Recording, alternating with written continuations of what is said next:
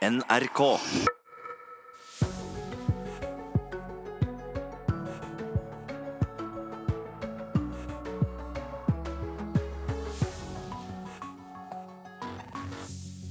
Velkommen til Nyhetsmorgen i NRK P2 Alltid nyheter. Da er hjulene i gang igjen, også her i um, Nyhetsmorgen.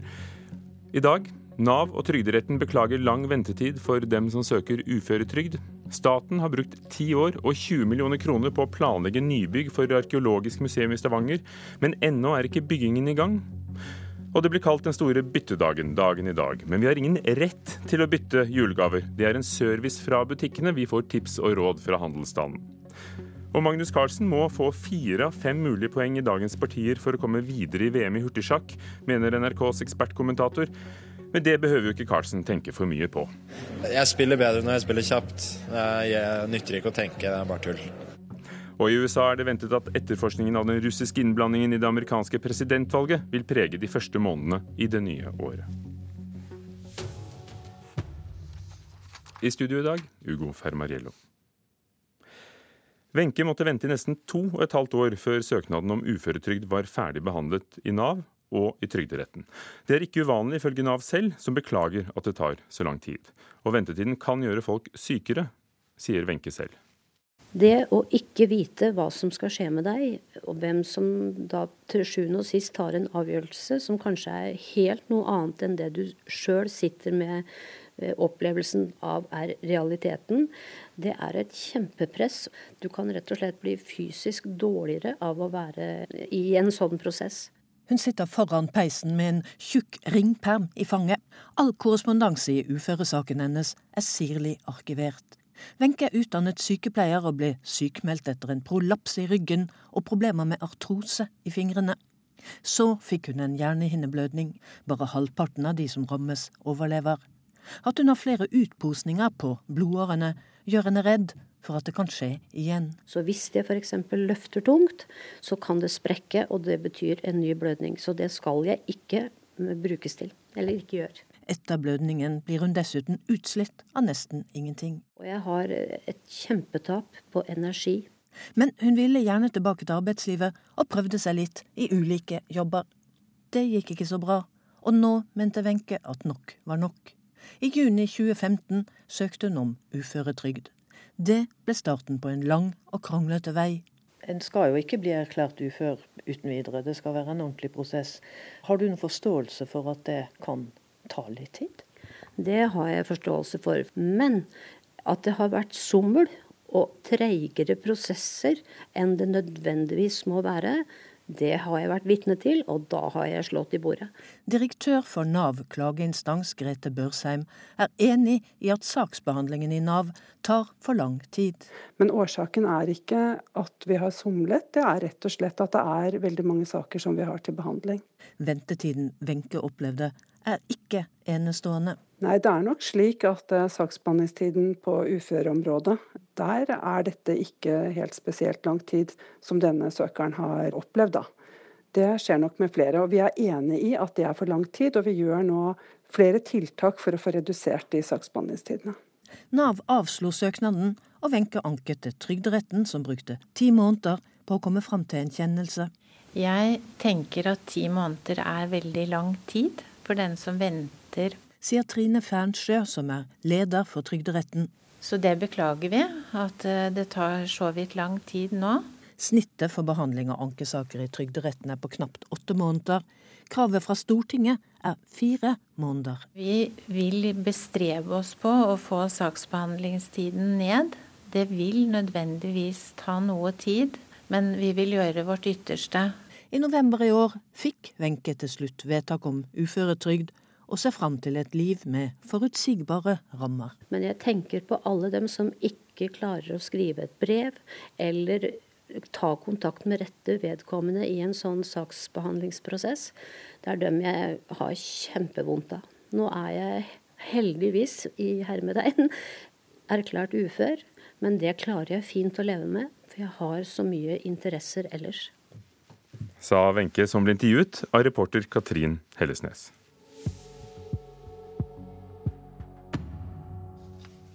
Det er den dagen i året da mange legger ut på ferd til butikkene for å bytte gaver som de har fått under julehøytiden. Også populært kalt den store byttedagen. Bror Stende, direktør for faghandel i Virke, velkommen. Takk. Hvor mye har nordmenn brukt på seg selv og hverandre? Ja, I desember så eh, regner vi med at det blir brukt 56,5 milliarder i år. Eh, Ca. 10 710 kroner per innbygger. Det er det vi har brukt i løpet av desember. Det har vært en vekst på 1% på kjøpesentrene som dere undersøker. Og hvis vi korrigerer for inflasjon, så er det vel egentlig en bitte liten nedgang, er det ikke sånn?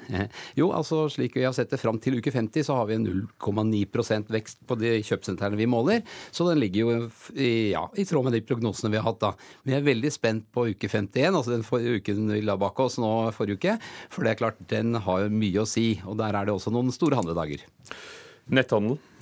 Ja, den øker jo kraftig, eh, men fra lavere nivåer. De aller fleste velger å handle i fysisk butikk, men eh, ifølge Dips eh, og Nett så har det vært en vekst på 11% i netthandelen. Men som de som organiserer de forskjellige butikkene, hva er det folk bruker mest penger på? Ja, altså Vi bruker eh, mest penger på generelt forbruk og gaver i løpet av desember. Og så bruker vi ca. 40 av disse, disse 10 710 kronene bruker vi på mat og drikke. Eh, så det er, jeg vil nok tro at veldig mye går til gaver. Og vi vet at folk bruker ja, over 5000 kroner hver dag i gaver. Så er det jo Sa du over 5000 kroner hver? Ja, ja, ja. ja, ja. Eh, et fortsatt ganske nytt fenomen er jo Black Friday som foregår i november. Eh, for noen var det en hel uke med kupp og varp og elleville tilbud. Eh, hvordan påvirker det julehandelen? Eller blir det julehandelen?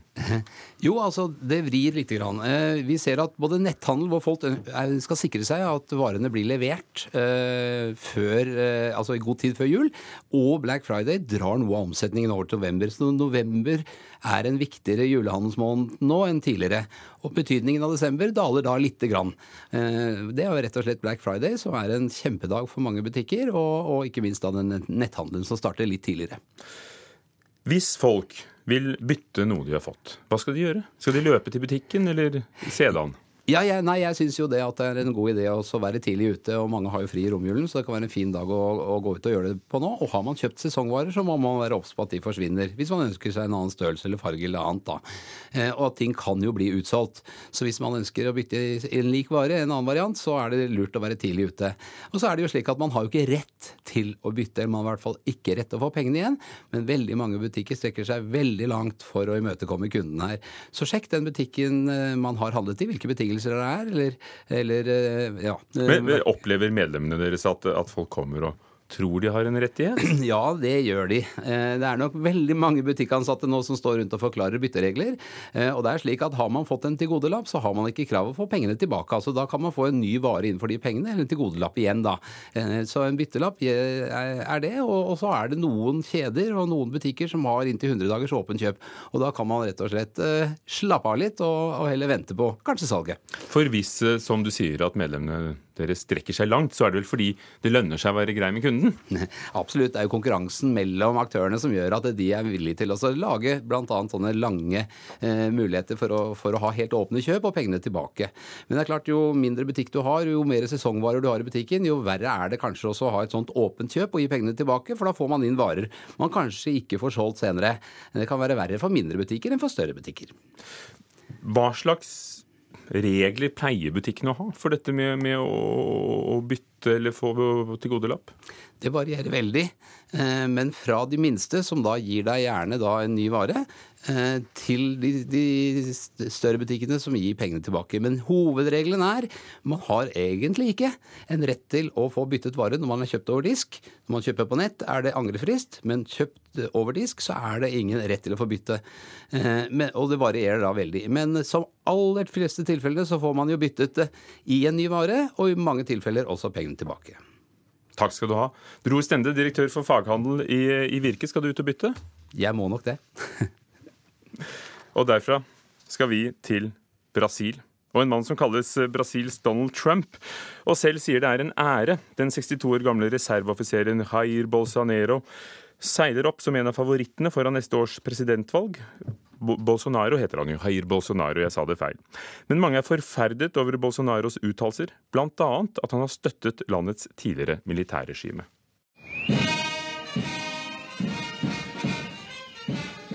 Jair Bolsonaro blir tatt imot med militære æresbevisninger når han besøker en marineleir her i Rio de Janeiro. At en vanlig folkevalgte i Brasils nasjonalforsamling blir hyllet som en statsgjest, plager ikke de militære. For dem er Bolsonaro den store helten. Mannen de håper skal bli Brasils neste president. Noen vil dø på veien, men mitt mål for 2018 er, hvis Gud vil, å bringe Brasil mot høyre. Vår plikt er å ofre livet for fedrelandet, og dere har den rette innstillingen. Vi er nødt til å forandre Brasil, ikke sant? sier Jair Bolsonaro, som har besøkt en rekke militærforlegninger de siste ukene og månedene. For en politiker som vil fiske i rørt vann, er det mye å ta av her i Brasil.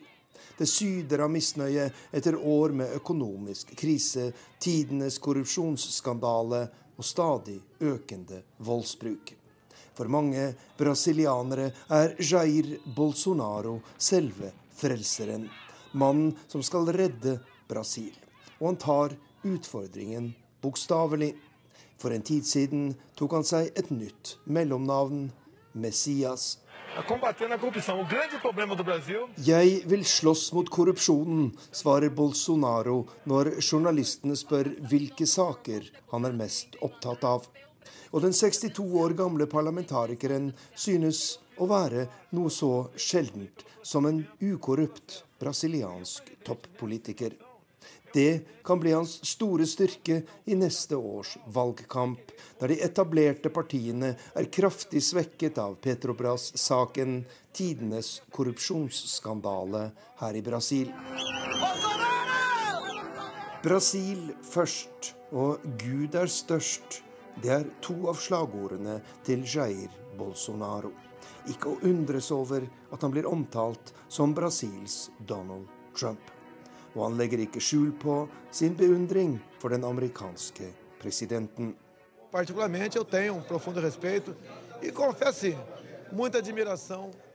Jeg har dyp respekt for Trump, og jeg beundrer ham meget. Han er rett og slett et forbilde for meg, sier Bolsonaro, som nå ligger på annenplass på meningsmålingene foran neste års presidentvalg her i Brasil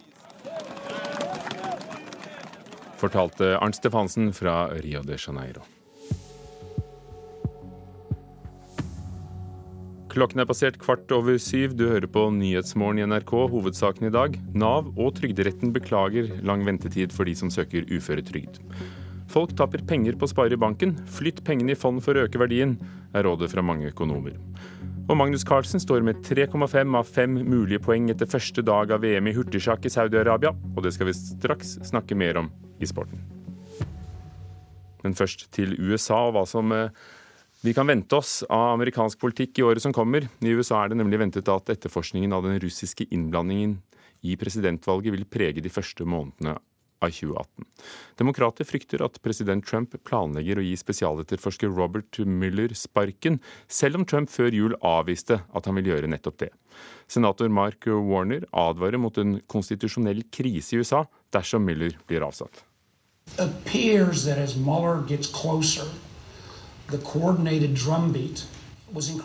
Det virker som angrepene på Robert Mueller blir mer koordinerte jo mer tampen brenner, sier Mark Warner.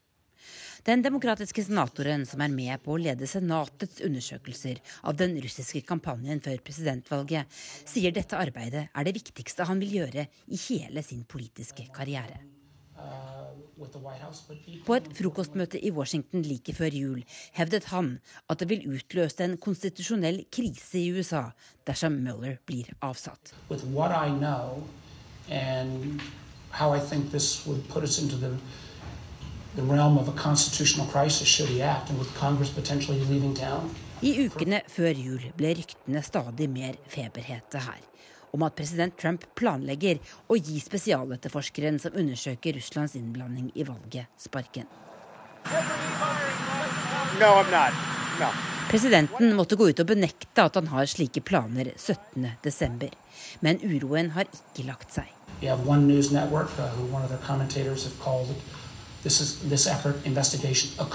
Det fins nyhetsstemmer på høyresiden som har kalt hele Mueller-etterforskningen et kupp, sier Warner. Fox-programleder Sean Hannity er en slik stemme. Mueller's credibility is in the gutter tonight with these new discoveries. His conflicts of interest, his clear bias, the corruption. Han mener Mueller både er partisk og korrupt, og at hele etterforskningen må stanses. Robert Mueller har så langt sørget for at fire personer er blitt tiltalt. Trumps tidligere kampanjesjef Paul Manafort og hans tidligere sikkerhetsrådgiver Michael Flynn er de mest sentrale.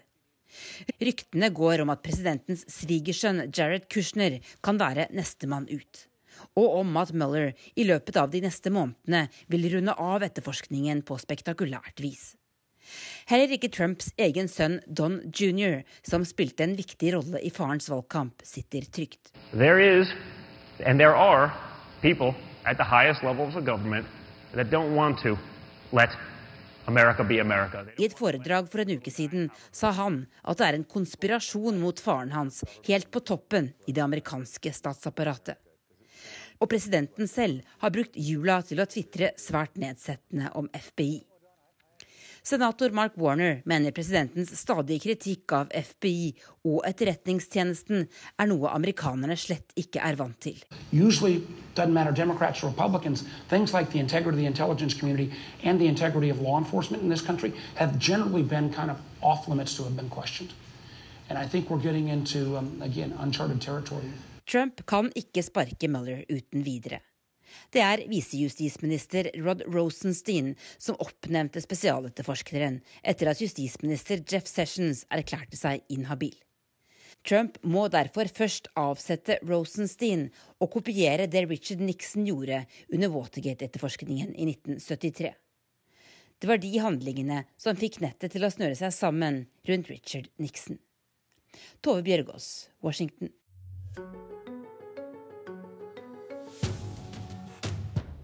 I Sporten i dag skal vi nesten selvfølgelig snakke om VM i hurtigsjakk, og Magnus Carlsen som må gjøre det bedre i dag enn i går for å kunne være i toppen. Ikke sant, Susanne Michaelsen?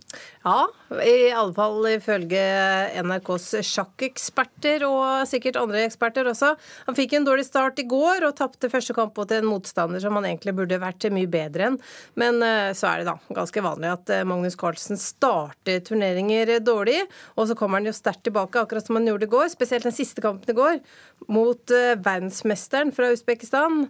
Den var bra. Han smadra, smadra denne karen. Og mens Rustam Kasimitsjov klokke tikket mot null, så hadde Carlsen nesten 13 minutter igjen på sin klokke. Så alt i alt så reddet eh, Carlsen seg mestlig inn og fikk 3,5 poeng på de siste fire kampene. Men eh, så langt så er det bare en 14.-plass. Og her går det unna, for dette er jo hurtigsjakk. Eh, og i dag er det da fem kamper. Bør han få enda flere poeng? Ja, det mener iallfall NKs eh, sjakkekspert Torstein Bae. For etter gårsdagen så mener Bae at eh, Magnus Carlsen kan ikke kaste bort poeng med nok en dårlig start i dag. Det er klart I morgen så må Magnus starte bra også. Han tåler ikke en sånn dårlig start flere dager. Så det vi må tro er at han åpner bra, fortsetter bra, og at han etter dag to virkelig er på høyde med de aller fremste i sammendraget. Hvor mange poeng eh, må vi regne med at han bør ta? Jeg syns nok han bør opp på fire poeng i morgen. Tre og en halv i dag, fire poeng i morgen mot tøff motstand. Så det blir veldig vanskelig for Magnus, men jeg har tro på at lommedølen lommedøren kan klare det nå. Men i dag Susanne Carlsen, blir det kanskje tøffere? Ja, for uh, i går så spilte han mot spillere som har betydelig lavere rating. Uh, I dag så vil han uh, spille mot sterkere spillere, så han må heve seg. Og etter én av 15 fem, etter 15 kamper så da skal vi ta dette en gang til. Ja, Etter fem av 15 kamper så er det Vladimir Fedusjev som leder med 4,5 eh, poeng. Og totalt ti spillere står med fire poeng mer. Og det skal spilles også, som du sa, da, fem kamper i dag. Og så avsluttes det med fem kamper i morgen. Og da er det altså en verdensmester i hurtigsjakk som skal kåres. Jeg holdt på å si mot den beste vinne. Det sier vi jo ikke når det gjelder sport. Eh, Det er Magnus Carlsen. ja, NRK heier på. Når det gjelder nordmenn, ja. Mhm. Eh, Dette kan i hvert fall følges på NRK1 og nrk.no fra klokken 11.45 hver dag. ja. Og førstekampen for Magnus Carlsen i dag er mot en armener som er rangert som 110, så håper han har brukt opp tabbekvoten sin.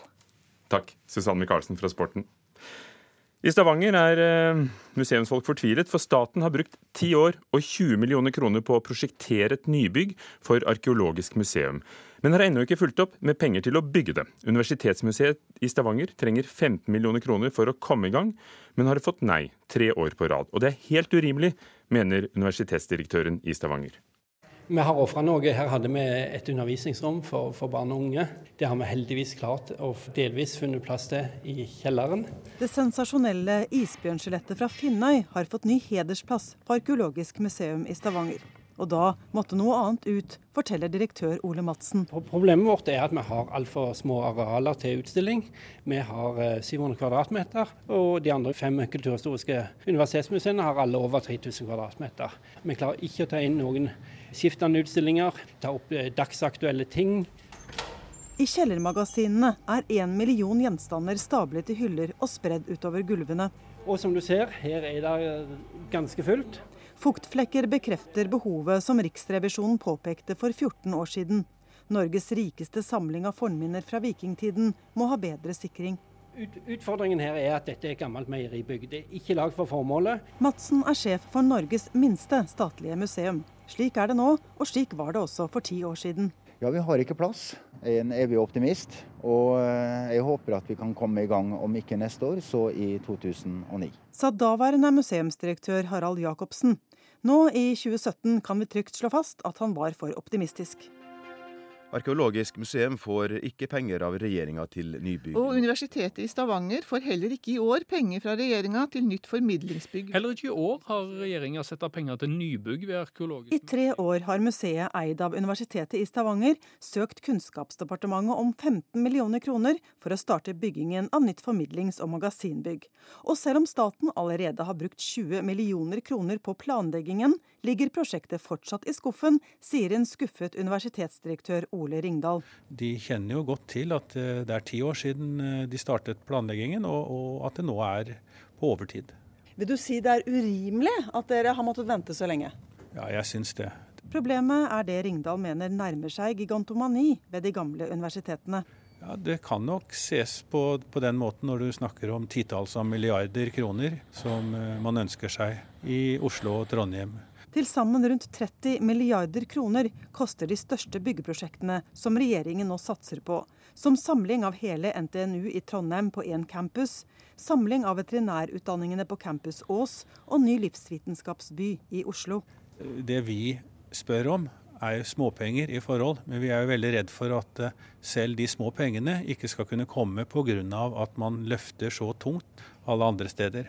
NRK fikk ikke intervju med Kunnskapsdepartementet, men statssekretær Bjørn Haugstad sier i en e-post at det kun er nytt livsvitenskapsbygg i Oslo som blir prioritert til startbevilgning i 2018, fordi det gir tung satsing på biovitenskap. Det hjalp heller ikke museet at lederen for Stortingets utdannings- og forskningskomité nå heter Roy Steffensen og representerer Frp i Stavanger. Til syvende og sist handler det om eh, penger og prioriteringer, eh, og fram til nå så har de dessverre ikke nådd opp. Nå sender Universitetet i Stavanger et nytt brev til Kunnskapsdepartementet og håper at byggeprosjektet til 334 millioner kroner ikke blir lagt i skuffen, sier Ringdal. Det blir tydeligere og tydeligere at det nå haster det. Og reporter var Anette Johansen Espeland. I by etter by dukker klatresentrene opp, og Klatreforbundet er blant idrettsforbundene som vokser mest. Folk strømmer til buldrehallene. Tre elever fra videregående har slitt seg ut i buldrehallen. Ja, nå er jeg ferdig for i dag. Det holdt med en gang. Ikke mer krefter igjen. Nei. Buldring er en type klatring med lave vegger og madrasser på gulvet, sånn at en bl.a. slipper sikring med tau. Marie Hanken er frustrert når kroppen ikke klarer mer, og foreslår å komme tilbake i morgen. Og hvis vi tolker det som engasjement for buldring, så er hun ikke alene om å være engasjert. I Møre og Romsdal har en lavterskel klatrecup overgått alle forventninger, forteller Eivind Noreide. Det har vist seg å være mye større engasjement rundt det. da. De hadde venta 50-60 deltakere, men fikk flere hundre. Det går fra å være et par, en sånn tre-fire timers arrangement til, til, å være da en delt oppover en hel dag. da. Fulle haller i Møre og Romsdal er jo vel og bra det, men kanskje greit å ha litt mer håndfaste tall fra hele landet. Nikolai Kolstad i Norges klatreforbund kan sikkert hjelpe oss med det. Våre tall er i hvert fall økende og ganske kraftig. Vi blir større og større for hvert år som går. Og etter hva jeg har hørt her i Idrettsforbundet, så er vi et av de raskest voksende forbundene. da. Så klatring er i vinden, og det er, det er en på en måte aktivitet som det er stor interesse for. En rask sjekk av disse tallene viser at Klatreforbundet absolutt er i veksttoppen. Nesten ei dobling i tallet på medlemmer siden 2006. Men slik har ikke det alltid vært. Ifølge Jens Henrik Kammerås, som har klatra i drøyt 20 år, og som nå driver Buldrehallen i Ålesund, kunne klatremiljøet tidvis være ganske kjipt. På 90-tallet var klatring sært og rart, og for de spesielt interesserte. Nye klatrere ble vurdert nøye. Det var ikke bare bare å komme inn i klatremiljøet. Da var du nødt til å prestere på et visst nivå for at du skulle bli anerkjent. Men eh, i dag så er jo det mer, eh, blitt en mer kultur for som treningssenterkultur. Da. Mange som velger klatring og buldring eh, rett og slett som et alternativ til treningssenteret. Mm. Og akkurat det merkes for de som driver klatresenter. Eh, responsen har vært eh, utrolig bra. Det har vært eh, fullt trøkk siden åpning til nå. Klatring og buldring altså, er jo i stor vekst over hele landet. så og buldring er jo det segmentet innenfor klatresporten som øker mest. Da. Så generelt så er, er dette i oppsving, da. Og reporter var Alexander Båtnes i Buldrehallen. Det handler om dansk og svensk politikk i Politisk kvarter i dag om et kvarter. Dette er Nyhetsmorgen, aller først Dagsnytt.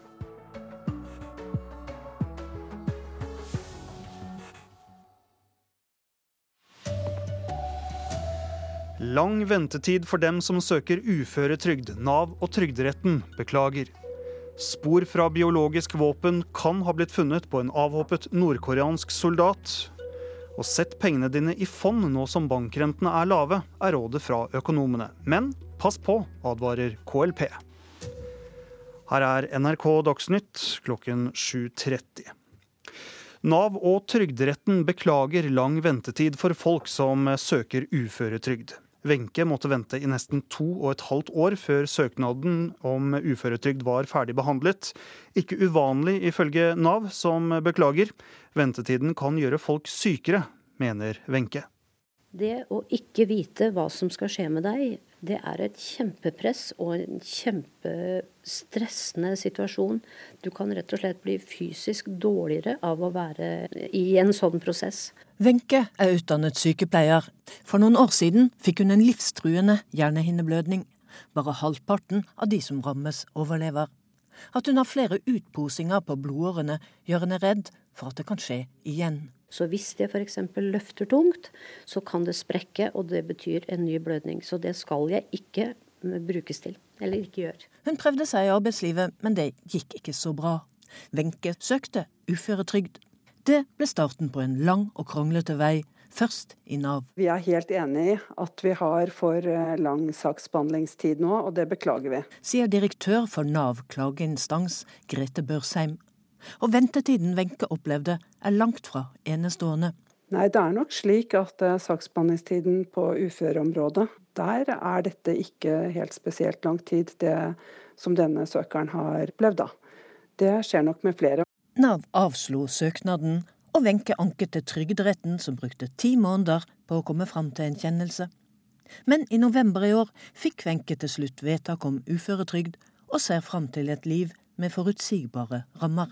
Nå er jeg heldigvis, i hermetegn, erklært ufør. Men det klarer jeg fint å leve med, for jeg har så mye interesser ellers. Reporter her var Katrin Hellesnes. Spor etter kontakt med det som kan være et ekstremt farlig biologisk våpen, har blitt funnet på en soldat fra Nord-Korea som hoppet av til Sør-Korea. Det melder sørkoreanske medier. Våpenet skal være miltbrannsporer. Sørkoreanske myndigheter vil ikke bekrefte at sporene av våpenet ble funnet i soldaten som hoppet av 13.11. i år. Han som gjennomførte en dramatisk flukt over grensen og ble skutt flere ganger. Det eneste myndighetene bekrefter gjennom media, er at sporene er funnet i en avhoppet soldat i år. Totalt har fire nordkoreanske soldater kommet seg til Sør-Korea i 2017. Now.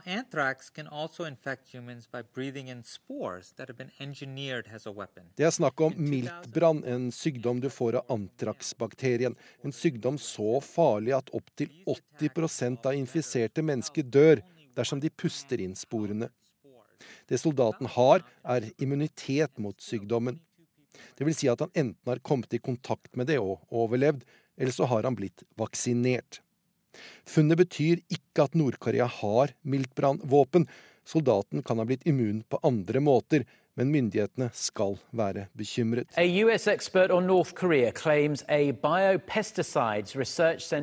Funnet blir koblet til annen informasjon som har kommet ut fra Nord-Korea. Spesielt noe som skjedde i 2015. Da kom det bilder ut av landet. Bilder som viser leder Kim Jong-un på besøk i en fabrikk som lager plantevernmidler.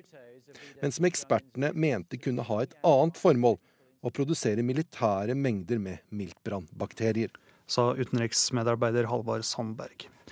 Lave renter gjør at man taper penger på å sette sparepengene i banken. Selv på høyrentekonti blir pengene mindre verdt år for år, ettersom prisene stiger mer enn de høyeste rentene.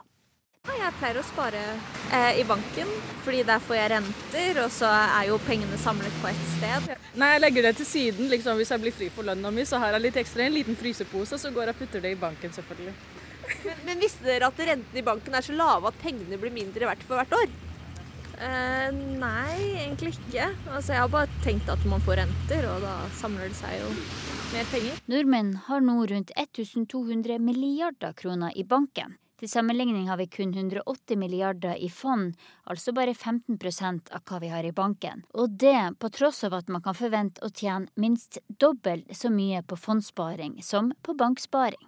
Det syns pensjonsøkonom Knut Dyrehaug i Storebrand er rart. Det som jeg advarer mot, det er å ha de lange pengene i banken. Det kan være penger som du skal spare over tre, fire, fem år eller lenger. Det kan være hytta di eller den bilen som du vet du må kjøpe om en tre-fire år. Pensjonssparingen. De pengene har dessverre ingenting i banken å gjøre. Der taper de seg bare i verdi. Det er den konkurrerende kapitalforvalteren KLP enig i. Men pass på, de fleste fondene tar altfor høye gebyrer, mener Håvard Gulbrandsen. Her når jeg er på Finansportalen så klikker jeg på aksjefond. Håvard Gulbrandsen, som er administrerende direktør i KLP kapitalforvaltning, klikker seg inn på Finansportalen for å vise oss hvordan vi kan styre unna det han mener er for dyre fond. Veldig mange fond har en kostnad på eh, halvannen til to prosent, og det er altfor dyrt. Da burde man finne noen som er, er mye billigere. Reportere her Linda Reinholdsen og Natalie Kristiansen. I USA er det ventet at etterforskningen av den russiske innblandingen i det amerikanske presidentvalget vil prege de første månedene i det nye året. Demokratene frykter at spesialetterforsker Robert Mueller får sparken. closer, the coordinated drumbeat was increasing. Det virker som angrepene på Robert Mueller blir mer koordinerte jo mer tampen brenner, sier Mark Warner. Den demokratiske senatoren som er med på å lede Senatets undersøkelser av den russiske kampanjen før presidentvalget, sier dette arbeidet er det viktigste han vil gjøre i hele sin politiske karriere. I ukene før jul ble ryktene stadig mer feberhete her om at president Trump planlegger å gi spesialetterforskeren som undersøker Russlands innblanding i valget, sparken. No, I'm not. No. Presidenten måtte gå ut og benekte at han har slike planer 17.12. Men uroen har ikke lagt seg. Robert Mueller har så langt sørget for at fire personer er blitt tiltalt. Trumps tidligere kampanjesjef Paul Manafort og hans tidligere sikkerhetsrådgiver Michael Flynn er de mest sentrale. Ryktene går om at presidentens svigersønn Jared Kushner kan være nestemann ut. Og om at Mueller i løpet av de neste månedene vil runde av etterforskningen på spektakulært vis. Trump kan ikke sparke Mueller uten videre. Det er visejustisminister Rod Rosenstein som oppnevnte spesialetterforskeren etter at justisminister Jeff Sessions erklærte seg inhabil. Trump må derfor først avsette Rosenstein og kopiere det Richard Nixon gjorde under Watergate-etterforskningen i 1973. Det var de handlingene som fikk nettet til å snøre seg sammen rundt Richard Nixon. Tove Bjørgaas, Washington. En eh, hjemme alene-fest med rundt 80 ungdommer kom ut av kontroll på Nes på Romerike i natt. Ifølge politipatruljen som kom til stedet, er huset fullstendig rasert. Et eh, brannslukningsapparat ble tømt inne i huset. Klær og flere TV-er ble kastet ut av vinduene. Huseieren var ikke klar over at det var fest i huset, opplyser politiet. Vi har handlet for 56,5 milliarder kroner denne jula. Det viser helt nye tall fra Virke. Vi handlet nesten like mye i butikken i år som i fjor, men mer på nett. Kjenner du igjen lyden? Denne desembermåneden har vi som vanlig satt inn kortet og tasta koden i butikker mange ganger. Totalt har vi handla for 56,5 milliarder kroner denne jula. 10 710 kroner per person, ifølge Virke. Mens butikkhandelen nesten er uendra sammenligna med i fjor, har netthandelen økt, forteller Bror Stende, direktør for faghandel i Virke. Ifølge Dips og, eh, og Nett så har det vært en vekst på 11% i netthandelen. Ifølge han har vi også brukt en del i forbindelse med Black Friday-salget i november. Og mye av det vi har handla for er gaver, forteller Stende. Ja, altså Vi bruker eh, mest penger på generelt forbruk og gaver i løpet av desember. Og så bruker vi ca. 40 av disse, disse 10 710 kronene bruker vi på mat og drikke. Nå i dag og resten av romjula venter mer salg og ikke minst bytting av gaver. Da er det viktig å huske på et par ting, råder Stende. Ting kan jo bli utsolgt, så hvis man ønsker å bytte en lik vare, en annen variant, så er det lurt å være tidlig ute. Og så er det jo slik at man har jo ikke rett til å bytte, man har i hvert fall ikke rett til å få pengene igjen, men veldig mange butikker strekker seg veldig langt for å imøtekomme kunden her. Reporter var Marit Gjelland. Ansvarlig for Dagsnytt, Arild Svalbjørg. I studio, Hans Christian Eide.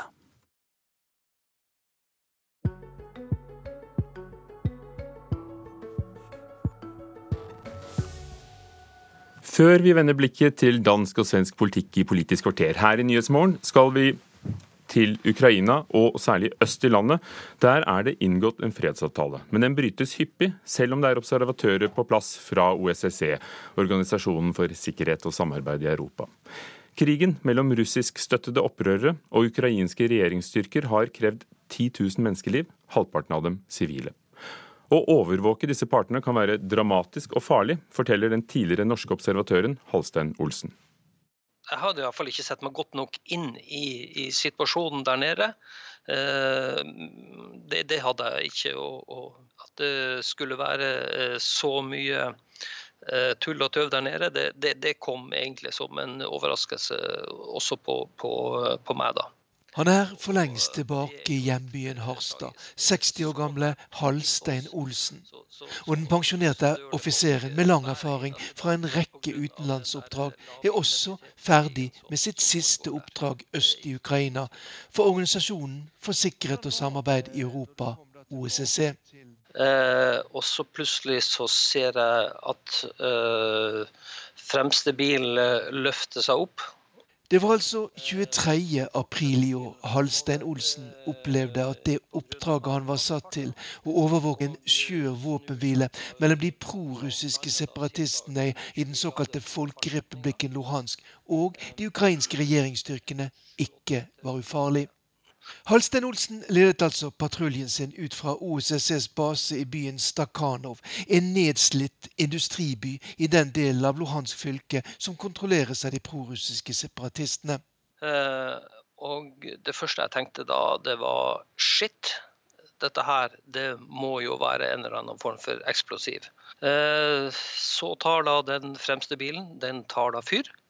Eh, rimelig umiddelbart etter den landa.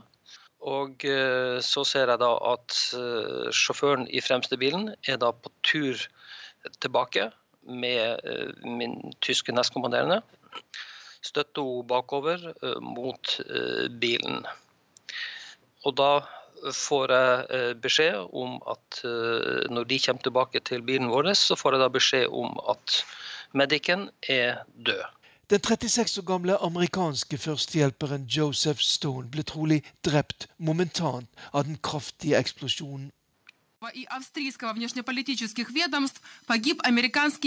Det som kunne se ut som et angrep på en fredelig OSSE-patrulje i Ukraina, ble raskt en verdensnyhet. Og den førte til at organisasjonen måtte begrense sin virksomhet i området av sikkerhetsmessige årsaker. OSSE har heller ikke sendt nye observatører til Øst-Ukraina til erstatning for de som drar hjem. Gruppen som i ettertid undersøkte hendelsen, konkluderte med at minen som eksploderte, neppe var ment for OSSE-patruljen, og at den trolig var utplassert av ukrainske regjeringsstyrker. Seks uker etter at minen gikk av under OCC-bilen, brøt det ut full krig i det samme området, noe disse lydopptakene fra landsbyen Sjolobok forteller. Halsten Olsen levde med denne nesten glemte krigen øst i Ukraina i mer enn ett år, fra sin base i Stakhanov. Jeg husker jo bl.a. at eh, etter 25 minutter etter det smalt, så, så husker jeg jo faktisk på å sende en, en SMS til kona mi om at eh, jeg er OK. Fortalte Halstein Olsen, som altså har vært eh, observatør for Organisasjonen for sikkerhet og samarbeid i Europa, og han ble intervjuet av Morten Jentoft. Dette er Nyhetsmorgen i NRK, og klokken nærmer seg kvart på åtte. Hovedsaker i dag. Nav og Trygderetten beklager lang ventetid for dem som søker uføretrygd. Folk taper penger på å spare i banken. Flytt pengene i fond for å øke verdien, er rådet fra mange økonomer. Vi har ikke rett til å bytte julegaver, så sett deg inn i reglene, ifølge Virke. Og Magnus Carlsen, sjakkspilleren, må få fire av fem mulige poeng i dagens partier for å komme videre i VM i hurtigsjakk. Og senere i Nyhetsmorgen oppsummerer vi kulturåret som er gått, og har fått to av NRK P3s anmeldere til å velge den beste musikken fra 2017. Men nå er det Politisk kvarter, og temaet er nordisk politikk. Vi skal se både til Sverige og til Danmark.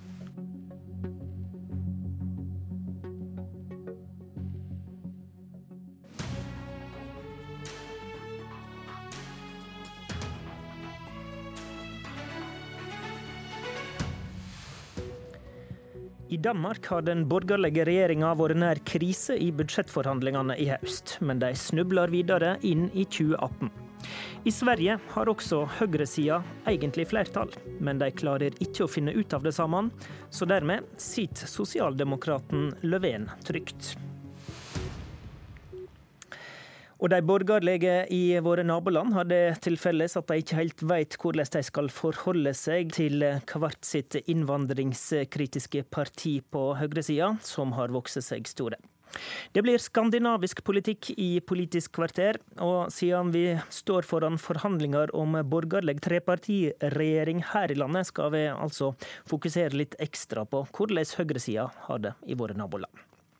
Vi har med oss Jens Ringberg, politisk kommentator i Danmarks Radio, og Eva Stenberg, politisk kommentator i Dagens Nyheter i Sverige.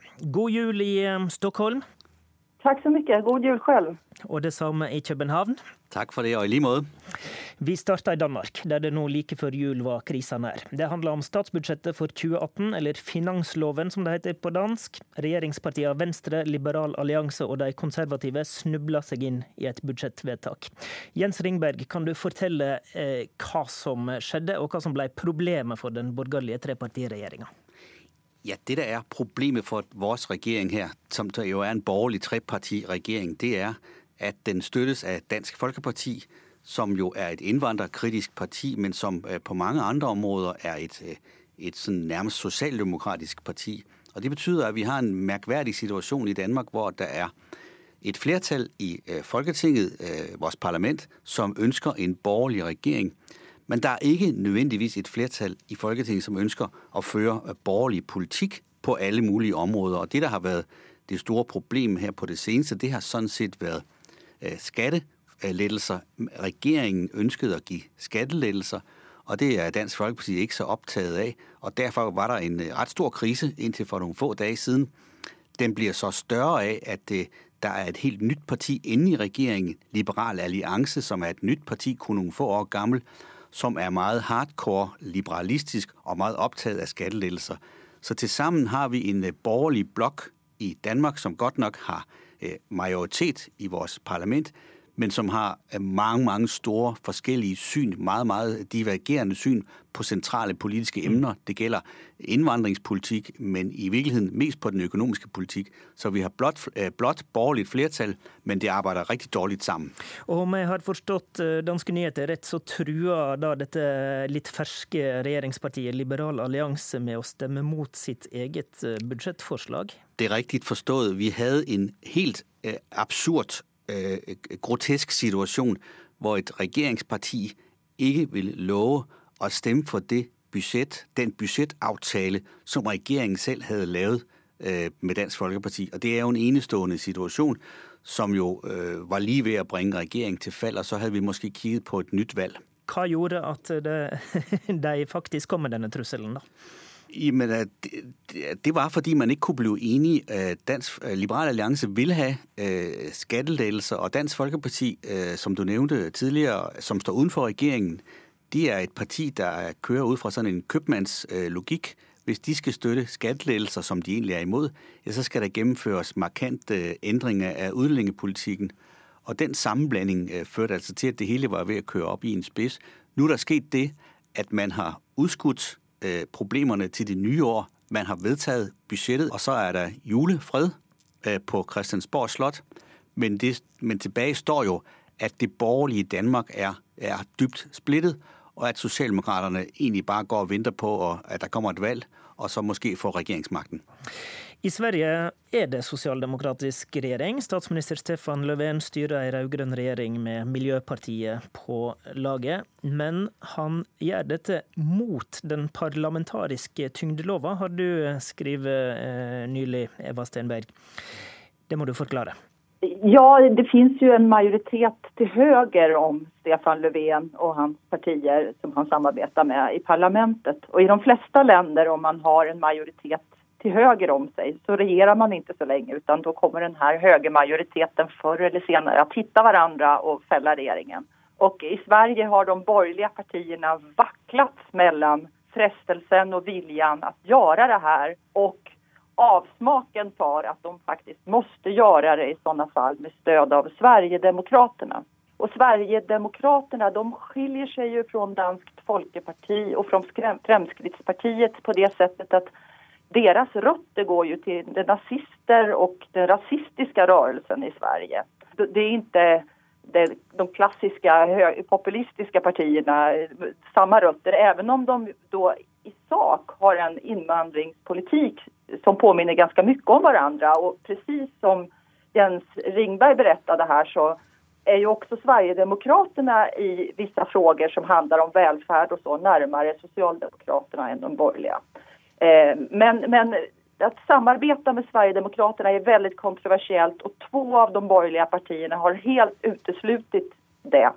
Och det gör att de borgerliga kan inte ena sig och Stefan Löfven regerar vidare och de träter videre. Men de har, de har da, som du er inne på her, de ulike eh, fire borgerlige partiene har da litt forskjellig tilnærming til dette, hvordan man skal forholde seg til Sverigedemokraterna. Kan du forklare hva som er de ulike linjene?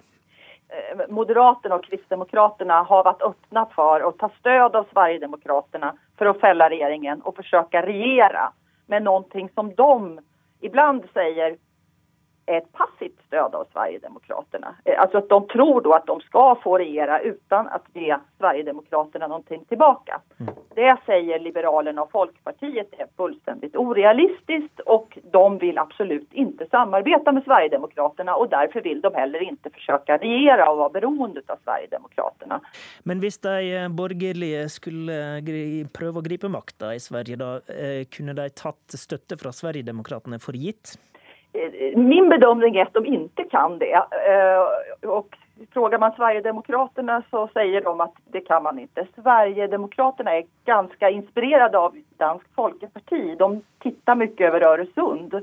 Och vi har ju sett, och, och det kan ju min kollega på Danmarks Radio vittna om att Dansk Folkeparti inte ger bort sitt stöd gratis. Det märks ju nu i, i Danmark också.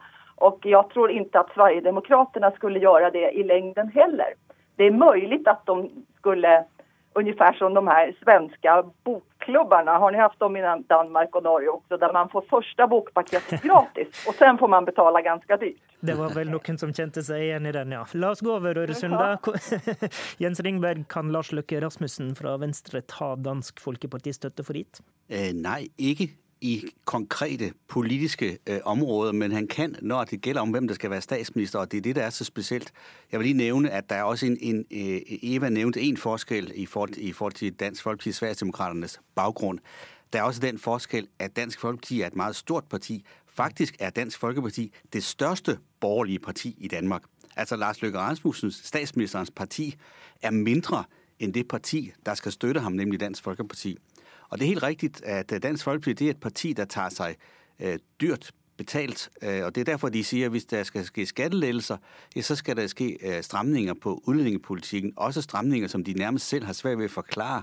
De vil have et helt paradigmeskift i, i forhold til, hvordan vi ser på udlændingepolitik, og der er strammet rigtig meget i, i, i forvejen.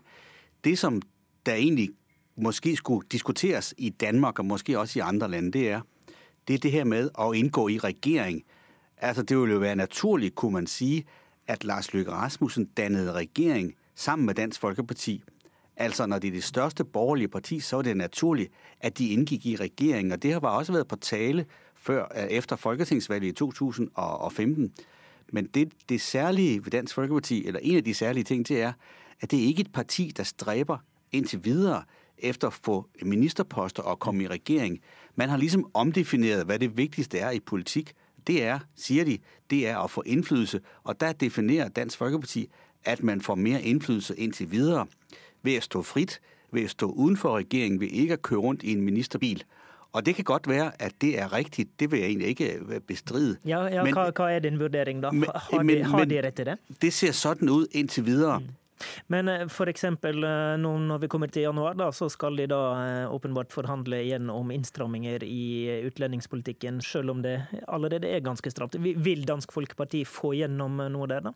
Det tror jeg regjeringen vil gjøre mye for å gi Dansk Folkeparti. Fordi så kan regjeringen også få sine skattelettelser igjennom, og så kan regjeringen i øvrigt fortsette. Altså, det er jo det man kan kalle mandaternes logikk. Men det blir vanskeligere fordi det er strammet så mye på vår utlendingspolitikk.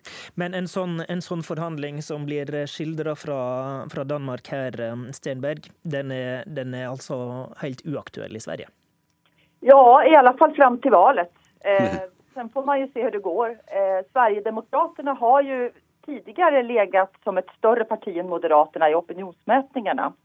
Eh, före Moderaterna bytte partiledare. Nu ser det ut som Moderaterna återigen har tagit tillbaka med ganska stor marginal positionen som största borgerliga, eller som, som näst största parti då efter Socialdemokraterna. Men mm. Sverigedemokraterna växer också här.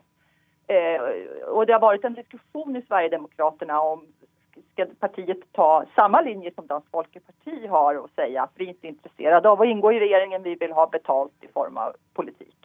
Nå er det jo definitivt uh, forskjell på disse skandinaviske partiene, men det uh, Frp har til felles uh, med de to vi snakker om nå her i Norge, er jo at det er det mest innvandringskritiske partiet da i parlamentet. Og her i Norge så er jo Frp i regjering. Ser Sverigedemokraterna og Dansk Folkeparti noe til Norge? Ringberg først. Altså, jeg tror, man, øh, man kigger øh, mod Norge, så kigger man på, hva hvad, er, hvad er risikoen ved at indgå i regering. Vi har også eksempler her i Danmark på partier, som, som for første gang indgår i regering. Og risikoen er selvfølgelig, at så bliver, man, så bliver ens profil udvasket, fordi så står man ikke så klart, så skal man præsentere, vi har jo altid flere, regeringer af flere partier, så skal man præsentere kompromiser, der er indgået øh, øh, på, på de indre linjer. Så derfor så kigger man mm. selvfølgelig også mod, hvad der sker omkring Fremskrittspartiet i Norge. Mm, Sverige. I Sverige har Moderaterna tittat mycket på Norge tidigare. Ganska många moderater har sagt att, att eh, det fungerar ju för Erna Solberg, det kanske skulle fungera här. Det var en lång intern diskussion Eh, inom Moderaterna som ledde til at man gläntade på dörren mot Sverigedemokraterna i januari, vilket ledde til store väljartapp og at man har fått ompröva det der til en del. I Sverige, er det bare forholdet til Sverigedemokraterna som eh, gjør det vanskelig med borgerlig samling, eller eh, finnes det noe felles borgerlig prosjekt ellers? Det finns, de regjerte jo sammen i åtte år, de fire borgerlige partiene. Mm, tre år siden eh, Reinfeldt eh, gikk av. Precis. Men nå er jo det mye større skillnader mellom partiene enn det var da, framfor alt når det gjelder migrasjons- og innvandringspolitikken.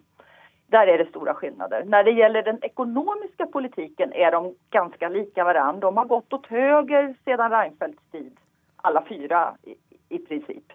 Ringberg, hvor samla er, er det blå regjeringsprosjektet i Danmark, som jo vakla litt her før jul? Det er, at De tre regjeringspartier er noenlunde samlet på de store linjer.